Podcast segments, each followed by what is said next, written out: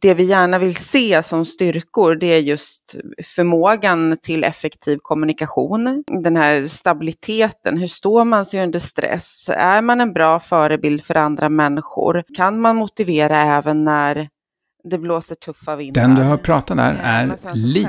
Hon är rekryterare och tillsammans med hennes kollega Anna så kommer de idag i podden förklara allting du behöver veta om hur du blir rekryterad som projektledare, respektive hur du rekryterar en projektledare.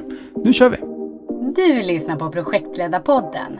En podd för dig som gillar att leda projekt och vill lära dig mer av andra om projektledning. Idag är jag glad att kunna välkomna två av Sveriges bästa rekryterare gällande tekniska specialister och projektledare.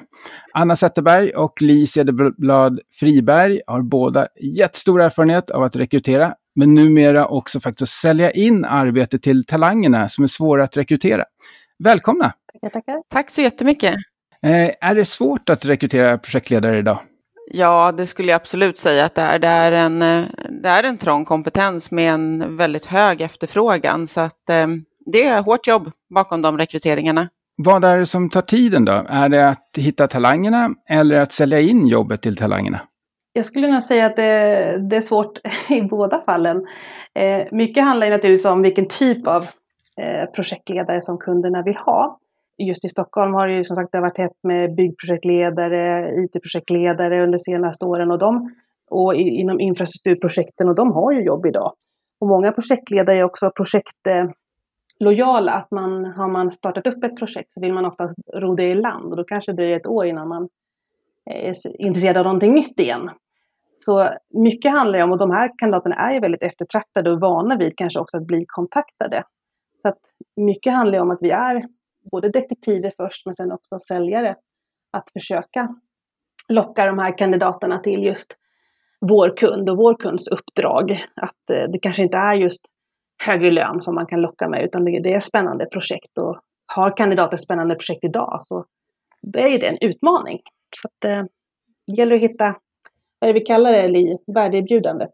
Ja, men precis, värdeerbjudandet. Men sen så handlar det också om, skulle jag säga, det här med att ha en långsiktig relation med våra, våra potentiella kandidater. För som, som Anna nu nämnde, de, är, de som vi har kontakt med, de är ofta väldigt, lo, väldigt lojala sina projekt. Och då handlar det också om att någonstans ha i minnet när projekt tar slut och uh, ligga rätt i tid när man hör av sig. Så om vi tar det från början då, i den här processen, hur får ni in ett uppdrag?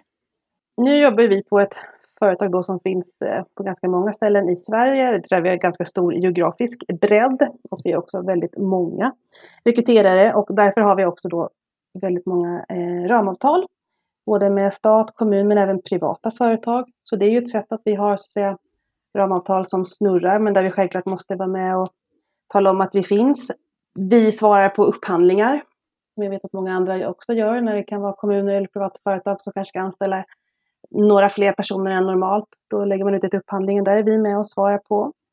Vi eh, kontaktar ju säga, potentiella kunder också naturligtvis, kundbearbetning. Där vi också försöker välja vilka kunder vi vill arbeta med. Eh, de som lockar oss och står för någonting som vi känner att vi vill sälja in till kandidaterna. Så att, eh, vi försöker leta efter de som vi tycker ser intressanta ut också. Ja, nej, men sen så är det också mycket det. Vi har, både jag och Anna och våra kollegor med oss har jobbat väldigt länge inom våra respektive nischer och vi har byggt upp ett väldigt värdefullt nätverk under åren. Det är kandidater från processer, det är referenspersoner vi har varit i kontakt med som kanske själva har ett rekryteringsbehov eller ja, potentiellt vill flytta på sig. Det är kontakt, kontakter och kandidater vi tar i searchuppdrag Eh, man kanske inte är intresserad av jobbet, men eh, de tar en kontakt senare när de själva vill rekrytera eller att det är dags att byta. Nu nyligen så hade vi en, eh, en tidigare chef och beställare som tipsade om oss, oss då om att eh, han var på väg någon annanstans och behövde ersättas. Så att vi har både de här inkommande och sen så där vi också går ut och svarar. Men just att vi är vårt varumärke hela tiden också. Och när vi tar kontakter, om det nu är seniora projektledare eller om det är eh, chefsrekryteringar. Om vi nu tar en kontakt med den kandidaten och visar att vi har eventuellt eh, googlat eller vi har tittat på LinkedIn och vi vet att den här för fem år sedan gjorde det här uppdraget. Då känner de också, wow, det här känns seriöst. Eh, att det kan också vara en anledning för dem att kontakta oss vid ett senare tillfälle. Att det inte bara är ett massmail som har skickats ut, utan att vi visar att vi försöker jobba, eller försöker jobba, vi vill jobba med kvalitet. Att alla kandidater ändå ska känna sig att vi, vi vet varför vi kontaktar dem. Och det kan också leda till en kund i slutändan. Och om jag vill rekrytera en projektledare och ska välja rekryterare, vad ska jag tänka på då? då? Först och främst skulle jag titta på vilken, vilket område du vill rekrytera inom, för vi är som sagt vi är ett stort bolag och vi har många kollegor i branschen. Eh, men var tittar man mest senioritet och personer som har gjort liknande förut? Ehm, det är svårt att se bort från oavsett vilken yrkesroll du pratar. Har man gjort saker och ting många gånger, ja men med det kommer också eh, fingertoppskänsla och ökad kvalitet. Många av våra, liksom vi och våra konkurrenter, det är ingen rocket science egentligen, utan jag tror att vår, vi har processer som säkert påminner väldigt lika om, om, om de andra. Eh, men där vi, när vi sitter ute hos kund så försöker vi tala om just att nej men, eh, att man är liksom dedikerad, att man jobbar vidare. Vi har ju haft, eller jag har haft eh, rekryteringar som har tagit väldigt lång tid ibland. För att man kanske har avhopp eller att det tar tid att bearbeta kandidater som har liksom riktig specialistkompetens. Och då kan det ju ta det kan ta tid helt enkelt. Vad är speciellt med att eh, jobba med rekrytering av projektledare och specialister? Då? Ja, men just benämningen projektledare är ju väldigt, väldigt generell. Och projekt innebär och betyder olika saker hos olika bolag. Så att vi står ju någonstans alltid inför den utmaningen när vi kommer ut och ska ta kravspecifikation. Att vi kan inte vara riktigt säkra på vad det kommer att betyda hos just den här kunden och den här beställaren. Så att det handlar jättemycket om att använda vår erfarenhet och kompetens eh, som vi har med oss i ryggsäcken för att sätta en bra kravspecifikation. Eh, det blir någonstans grunden och nyckeln till att vi kommer kunna lyckas i slutändan. Ja, för vissa företag lägger väldigt stor tyngdpunkt just på eh, analysfasen och förstudier, om du pratar liksom om att bygga nya tunnelbanor, den typen av projekt, eller om det är liksom lite annan, en annan typ av projekt. Men där har vi också märkt att någon kanske lägger väldigt stor vikt där vid att man är certifierad, eh, eller det administrativa kunnandet så i, hos projektledaren, medan det för någon annan då är väldigt eh, stor vikt på den tekniska bakgrunden och det djupgående kunnandet. Så det vi märker är att många projektledare, och nu kan inte jag säga om det är sant eller inte, men man menar på att har man en metodik i grunden, alltså projektledare, då kan du gå in och leda vilket projekt som helst oavsett bransch. Eh, och det stämmer säkert, men vissa kunder känner sig inte trygga med det, utan de vill ju ha kanske en branscherfarenhet. Så där är utmaningen ibland att vi möter väldigt bra projektledare som är väldigt duktiga på eh, att driva sitt projekt. Men att det kanske ändå inte räcker för kunden vill ha den här tekniska bakgrunden eller om det nu är IT-bakgrund eller liknande. Så det kan vara utmaningen att man, vi kan ibland tro att ja, men nu har vi en riktigt bra projektledare i ryggsäcken när vi går ut till en kund, men så tänker man olika när man, när man pratar om projektledare. Ni nämner ordet kravspecifikation här. Och jag kan uppleva ibland att när man ser rekryteringsannonser att rekryteraren nog inte har fått den tiden den behöver för att sätta sig in i vad det är för tjänst egentligen. Hur tänker ni kring det här med kravspecifikation och hur mycket ni behöver förstå? Det tror jag man blir tryggare med ju mer rekrytering man har haft och ju mer olika typer av kunder och, som också driver olika typer av projekt. Eh, för att eh, det är en sak att man tänker projektledare, men sen som sagt när vi sitter ute, man inser exempelvis att det, det här med förstudier och det, mm, det är så många olika steg liksom från start till mål. Där i vissa branscher då är det mer genomförande eller... Precis, men grunden för att vi ska kunna lyckas och det är ju att vi och kunden förstår vikten av att lägga tid och också att vi lyckas förmedla till kunden varför det är viktigt att vi får tid med kravspecifikationen och verkligen får förstå. Och det här med att hitta lite nyckelfrågor kring ja, men vad ligger det för typ av utmaningar framåt, vilken typ av eh, eh ja, men, bumps in the road kanske vanligt förekommer hos er. Så att vi också vi både får se det som kan locka men också det som kan vara en utmaning potentiellt för den personen som kommer in. Så att vi försöker verkligen att borra så mycket som vi bara kan när vi har tid med våran kund. Ja, men har vi inte en bra kravprofil då, då kommer vi ta allas tid i onödan. Både våran, kandidatens och kundens. Och där tror jag ibland, även om vi är erfarna och försöker liksom borra och trycka så kanske man inte får fram allt vid det första mötet. Men sen när vi presenterar en kandidat för första gången till en kund så märker vi att vi får väldigt mycket motfrågor. Ja, men, eh, Eh, berätta om eh, eh, styrgruppserfarenheten eller vilka intressenter var med eller hur alltså de verkligen ställer frågor om de olika stegen. Och då det blir liksom en liten lärprocess också. Och har man vi tycker, det bästa av alla världar är att man får jobba eh, i flera rekryteringar med en kund för då lär man ju känna den kunden också. Vi har ju haft kunder på samma företag fast på olika avdelningar där man egentligen är intresserad av helt olika saker när vi återkopplar. Att en del lägger verkligen tyngden på kanske administrativa kunnandet som jag nämnde lite innan.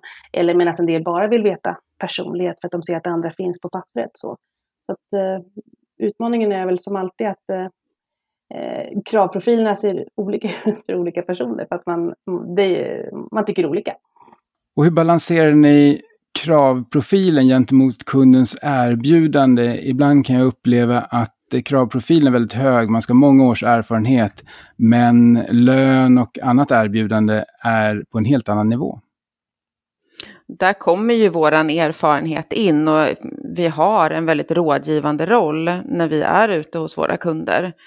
Och I de flesta fall så har ju våra kunder ett högt förtroende för oss. Vi har jobbat länge med det vi gör, vi har en god inblick i branschen och då kan vi också någonstans, ja men i alla fall förhoppningsvis få vara med och ge lite råd kring att, ja men okej, måste vi ha det här som ett skallkrav eller kan det vara någonting vi faktiskt lyfter över till meriterande sidan? Så att man verkligen trattar ner det till, till vad som är grundläggande för att hantera rollen och sen kunna lyfta över på, på det som är Eh, bra om personen i fråga har. För att är det så, har man en lägre lön och kanske inte de mest spännande, intressanta, lockande projekten, ja men då, då har vi en palett som inte riktigt kommer locka den målgruppen ifall man sätter eh, allt för höga krav.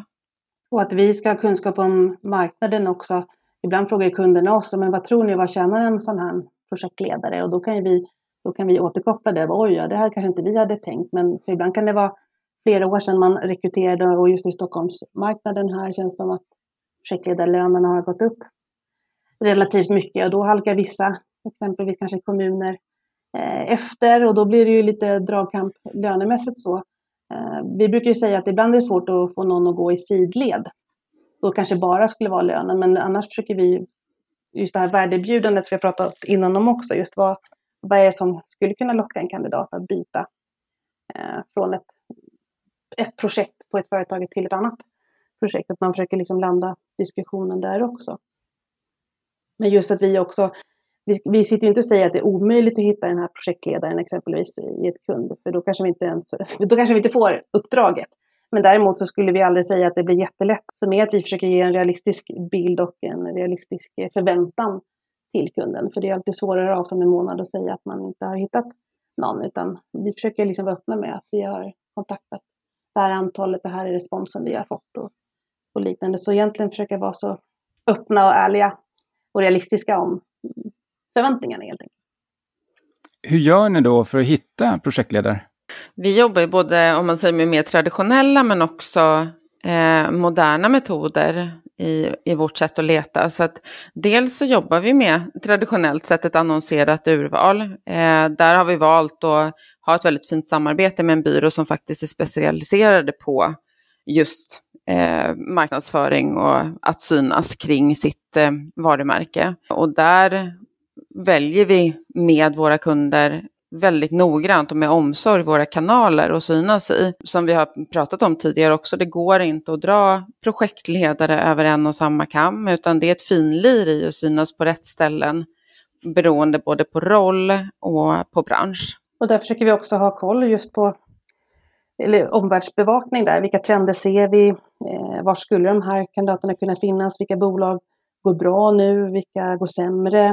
Att vi försöker kartlägga eh, vart möjligheten är störst att hitta de här personerna. Och där är det naturligtvis vårt egna nätverk.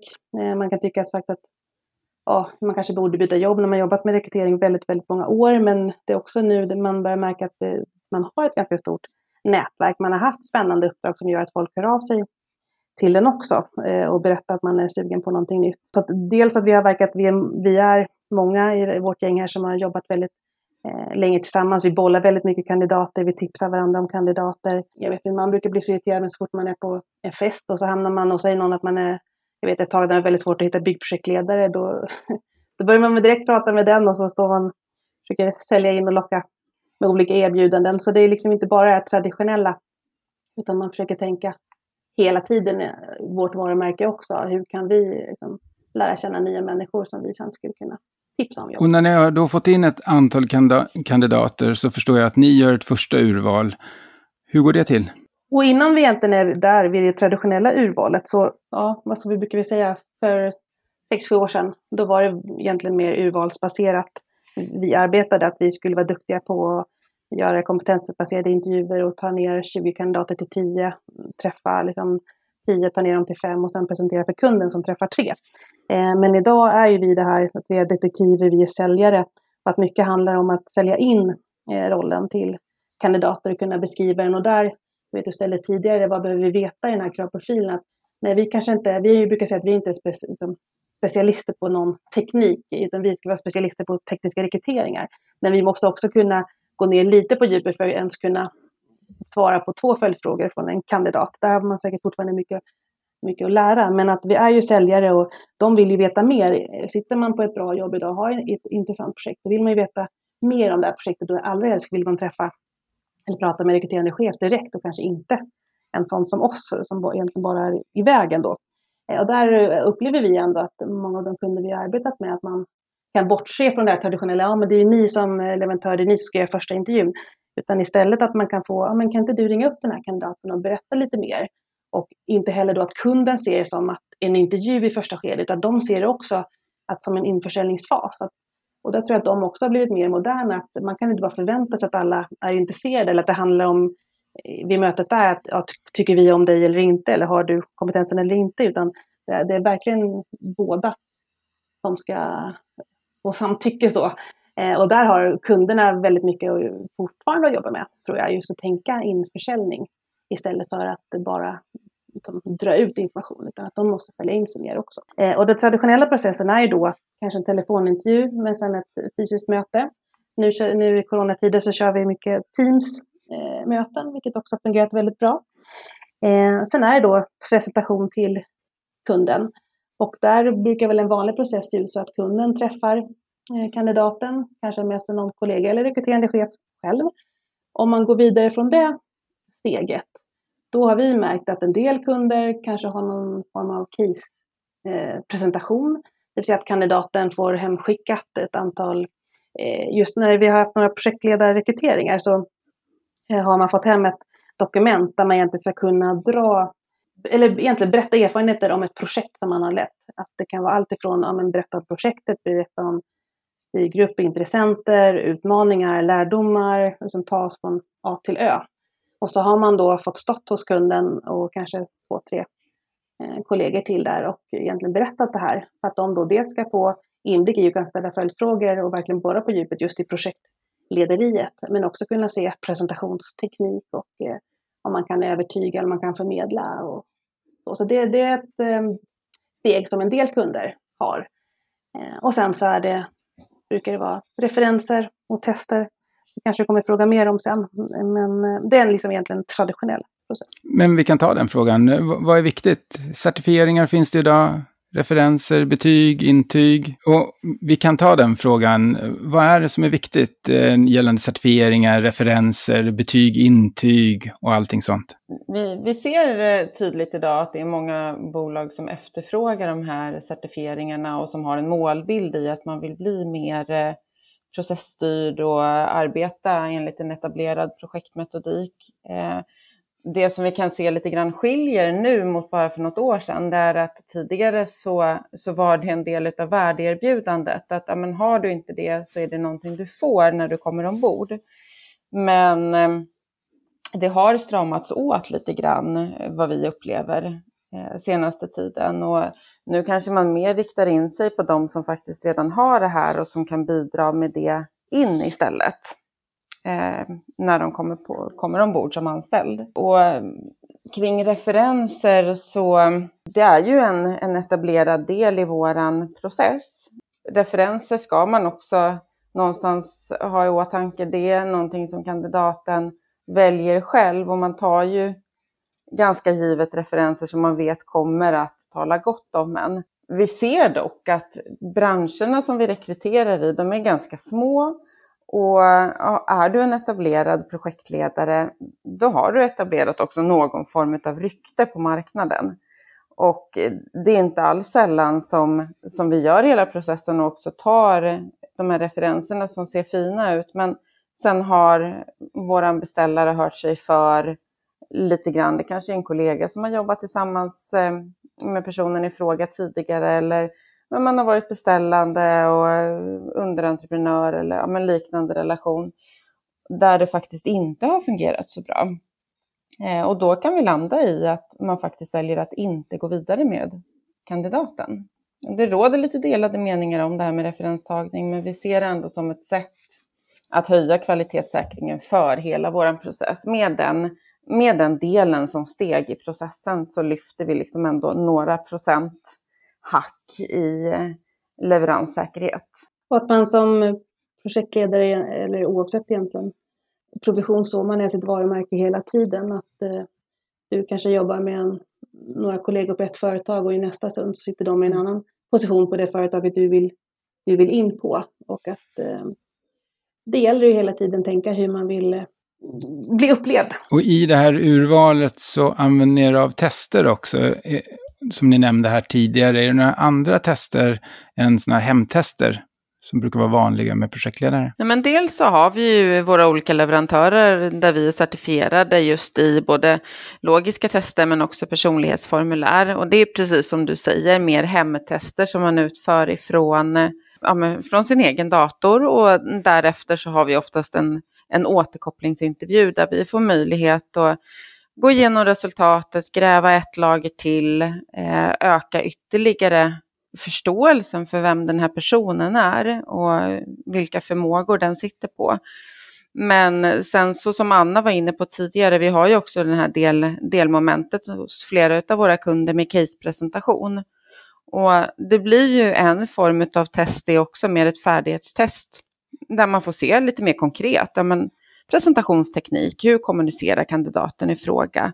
Lyckas man med att vara tydlig, strukturerad, konkret? Så att det är också ett delsteg. När ni letar efter projektledare, vad, vad, vad tittar ni efter? Mm. Eh, det som vi, om man ska, om man ska försöka liksom få ur sig någon form av eh, generisk kravspecifikation på just egenskaper, då skulle jag nog ändå säga att det vi, det vi gärna vill se som styrkor, det är just förmågan till effektiv kommunikation. Eh, den här stabiliteten, hur står man sig under stress? Är man en bra förebild för andra människor? Kan man motivera även när det blåser tuffa vindar? Ehm, men sen så självfallet också personalledning, att ha förmågan att faktiskt leda människor mot ett gemensamt mål eh, och få dem att gå dit tillsammans. Upplever ni att intervjun har blivit mindre viktig och att testerna har blivit mer viktiga nu för tiden? Ja, jag skulle faktiskt säga nästan så att det är tvärtom. Om vi bara tittar tillbaka senaste, vad ska vi säga, Anna, två åren. Eh, mm. Så har det varit väldigt mycket fokus på just ja, men styrkan i vem man är som person. Att vi ser, eller jag upplever att det håller på att ske någon liten justering i att ja, men vi kan ändå bygga på personen i fråga mer kompetens, men det är svårare att ändra på någons personlighet. Och personligheten blir ju tydlig i intervjuer i flera delsteg, men också såklart djupintervjun kopplat till testet på personlighet.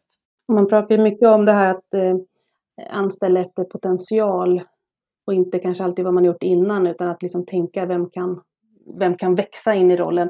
Men jag tänker återkoppla till det du frågade innan där om de olika stegen gällande kravspecifikationer vi har och själva urvalet. Och där är det lite olika beroende på vilket, typ, vilket företag man arbetar med. Att eh, vi är vana vid att jobba med statliga avtal, kommunala avtal, men såklart följer man processen även på den privata sidan. Men ibland blir det väldigt tydligt det här med skallkrav. Att eh, du kan vara hur bra projektledare som helst, men har du inte, nu om det nu är önskat, en civilingenjörsexamen eller eh, jobbat eh, fem år med eh, komplexa projekt eller har LOU-erfarenhet, då kan ju inte vi plocka in dig i processen. Ehm, så att, sen kan man alltid liksom påvisa personlighet också, men det här med skallkraven kan vara, eller det är ju väldigt viktigt. Så det, det är väl lite där kopplat till den här kravspecifikationen, att man får försöka skriva så att man, man dels får det man behöver, men också ja, man... Nej, men så att man inte stänger dörrar. Just. Precis. Att vi har alltid skallkrav. Det men det är svårt, för man vill, man behöver eller kompetens. Man behöver verkligen någon som har drivit de här stora projekten exempelvis. Men man vill också ha andra personliga egenskaper som är viktiga och inte bara att man på pappret har drivit väldigt stora projekt. Så där är väl alltid lite utmaningar också hur, hur man skriver för att locka rätt person. För att du kan inte sänka kraven för mycket för då kanske den här riktigt seniora projektledaren inte känner igen sig i den här beskrivningen av rollen. Så att Sen kan man alltid säga att när vi är i kontakt med kandidaterna i telefon att vi kan berätta och sälja in. Men där, därför blir ju ändå den här annonsen väldigt viktig i slutändan också. Hur man, hur man beskriver rollen och vad man ställer upp för krav. I intervjun som ni nämner, något speciellt som man ska tänka på som rekryterande respektive att när man blir rekryterad? Men om man ser det utifrån perspektivet att man vill bli rekryterad, om man har hittat en, en tjänst som man är intresserad utav. Tänk igenom innan hur du vill presentera dig själv och vad du vill lyfta fram. Just det här med att vara genomtänkt, att vara strukturerad och konkret i sina svar, det underlättar ju för alla som är i intervjusituationen. Eh, men sen också just det här med när man pratar om floskler i rekryteringssammanhang. Beskriver man sig som engagerad, lyhörd, då är det ju också det som vi vill se att man förmedlar när det kommer till kroppsspråk och att det är det som, som personen som sitter framför dig faktiskt signalerar. Eh, så att det är nog huvudtipset, att man, man tänker igenom innan. Men vad är det för någonting jag vill förmedla i den här intervjun? På vilket sätt vill jag beskriva mig själv och de erfarenheter jag har. Någonting mer man ska tänka på i samband med att man har kontakt med er som rekryterar i samband med intervjun eller möter er? Ja, men det här med, med första intryck, oavsett om, om man möts digitalt eller om man möts på riktigt, så gör det första intrycket väldigt mycket. Och handskakning eller att komma i tid att vara utrustad med rätt teknik, ringa in sig på rätt tid. Sådana saker skickar också en signal. Eh, så det kan vara bra att tänka på innan eller ha med sig hela tiden. Och jag tycker ibland man läser om, eller jag tycker ibland rekryterare generellt får ganska mycket kritik för att man inte hör av sig om man läser lite trådar på LinkedIn där man inte återkopplar, och jag hörde aldrig någonting. Men där kan man också tänka att det är verkligen tvåvägs där att även som kandidat att man är liksom sitt varumärke hela processen också. Vi eh, kan ju vara med om att kandidater bara helt plötsligt bara försvinner. Att vi tror att en kandidat verkligen var intresserad, den kanske hade varit hos kund.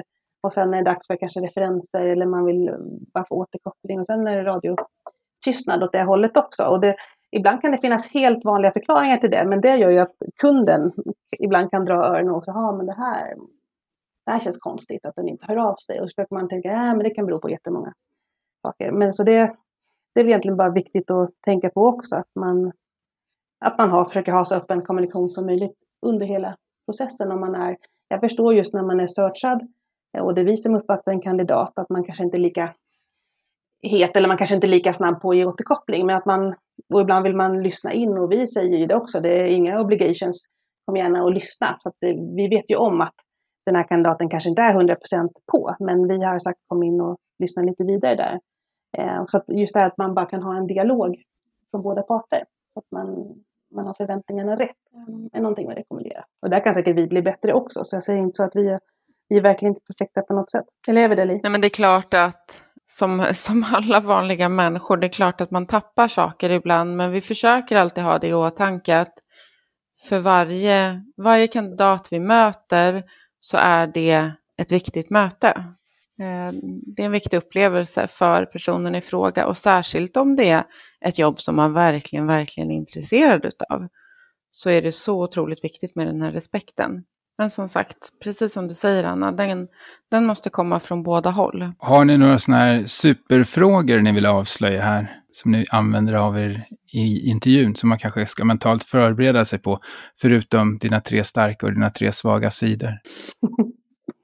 nu jobbar ju vi eh, med kompetensbaserade intervjuer till stor del, där vi då vid den här, vi återgår till den här kravspecifikationen, att kunderna kommit fram till att men det kanske är väldigt viktigt att man är stresstålig, eller det är effektiv kommunikation, eller det är personalledning.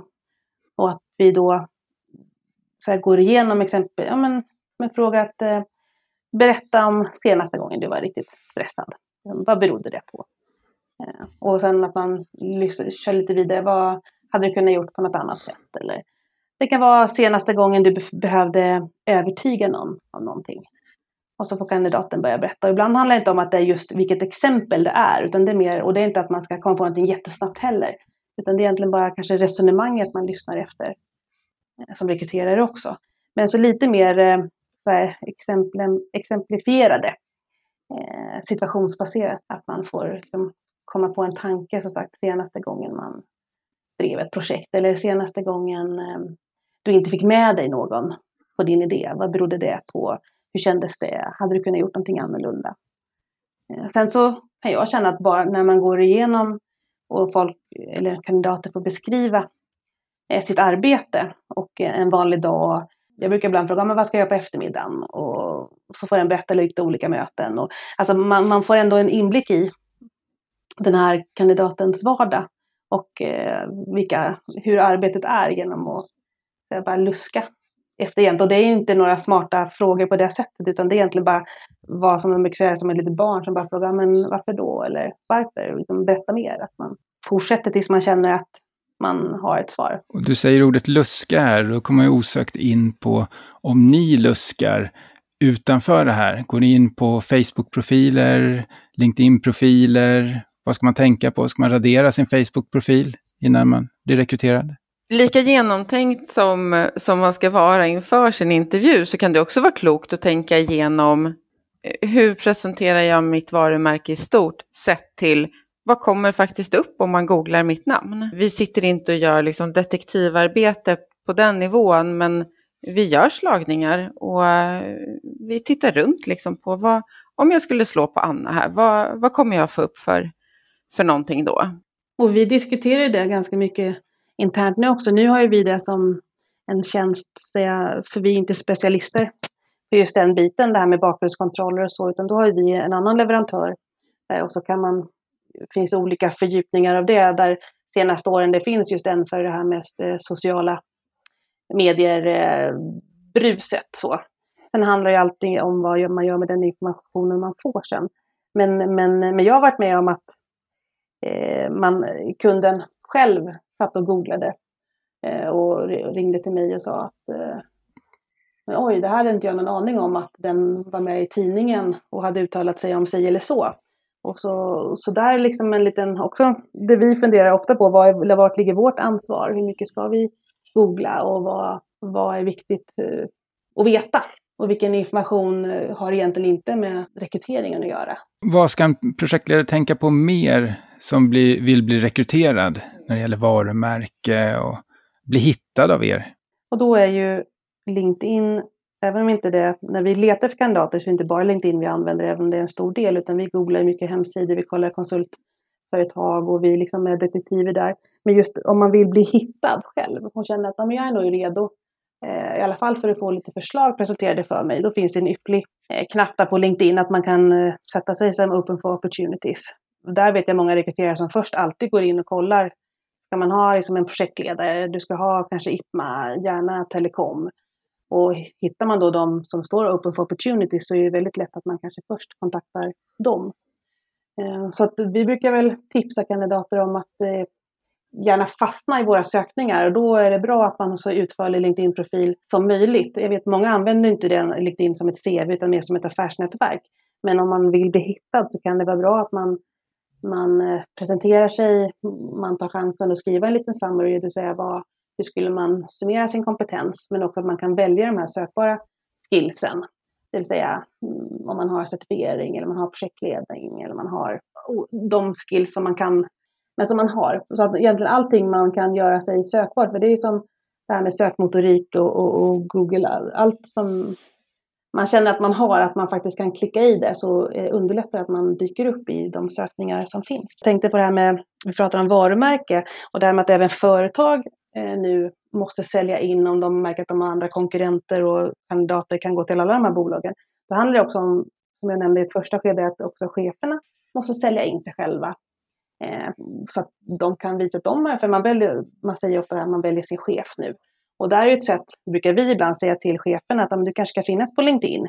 Vi brukar ibland när vi lägger ut annonser också koppla till så att man eh, taggar chefen så att du som kandidat kan gå in och se och titta lite på profilen på den här chefen, vart den har jobbat tidigare och hur den säljer in sig själv. För vissa kan det vara viktigt att se.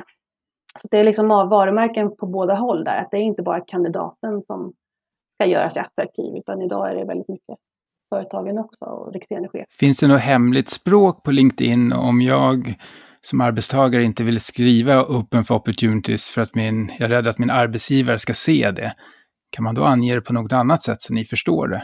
Ja, men det är lite smart, för annars skulle det inte riktigt funka. Men, men jag möter den frågan ganska ofta för kandidater, men det kan jag inte säga, för då är någon chef eller då kan någon på HR se det. Men eh, det ska vara så att eh, jobbar på ett företag så ska inte någon på ditt företag kunna, som vi som har recruiterkonton, kunna gå in och titta och se att du är open for opportunities. Så det ska så att säga vara safe att du sätter dig som det, men då ska ingen på ditt företag varken HR eller rekryterande chefer kan inte gå in och se att du är det. Så det är en sekretessfunktion som finns. Det är ju jättebra. För annars skulle ingen våga göra det. Nej, det, det blir väldigt tydligt då.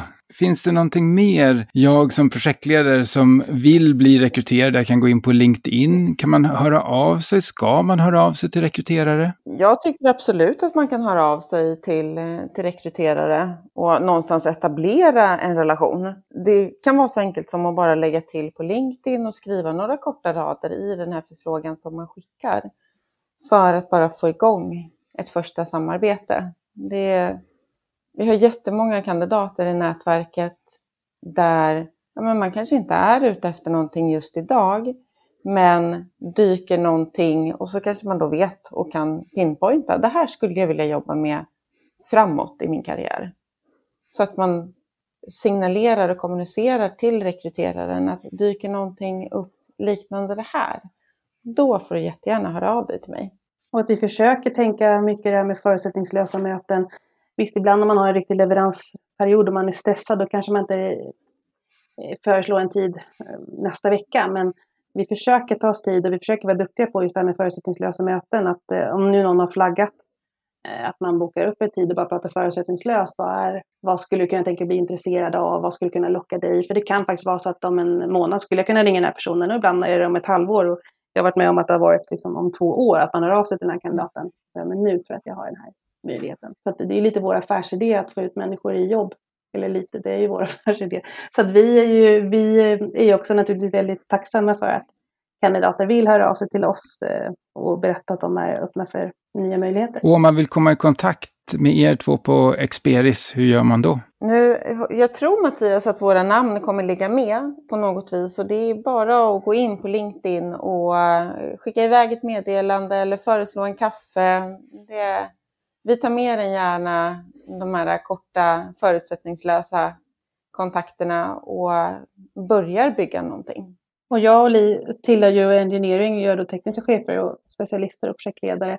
Sen har vi kollegor inom finance, IT, market and sales, eh, executive. Så vi ser till liksom och, vidarebefordrar till, till rätt personer i sånt fall också. Och är det någonting ni känner här i det vi har pratat om idag som vi inte har berättat om, som vi borde berätta om? Nej, men det tips, stora tipset är väl egentligen att tänka lite varumärke i de möten man har. Att just där man kommer in på ett möte och sen så är det någon som man kanske inte tänker så mycket på eller inte bryr sig så mycket om. Men sen i nästa sammanhang så är den personen någon med någon helt annan betydande roll. Och som vi sa, i vissa branscher är små. Att eh, man får tänka, liksom vårda sitt egna varumärke hela tiden. Det är väl egentligen ett, ett, ett av tipsen eh, på vägen. Stort tack Anna och Li. Ni har förklarat jättemycket saker som jag funderat på gällande rekrytering av projektledare. Ni har tagit er tid för att vara med här och jag är säker på att andra projektledare också har fått bra med tips och jag hoppas att de hör av sig till er två via LinkedIn så ni får ett utökat nätverk där. Tack för idag! Tack Mattias! Tack själv! Tack för att du har lyssnat på Projektledarpodden. Hör gärna av dig till oss med idéer, tips och förbättringsförslag. Det gör du enklast via mejl på lyssnare projektledarpodden.se eller vid det sociala nätverk du föredrar.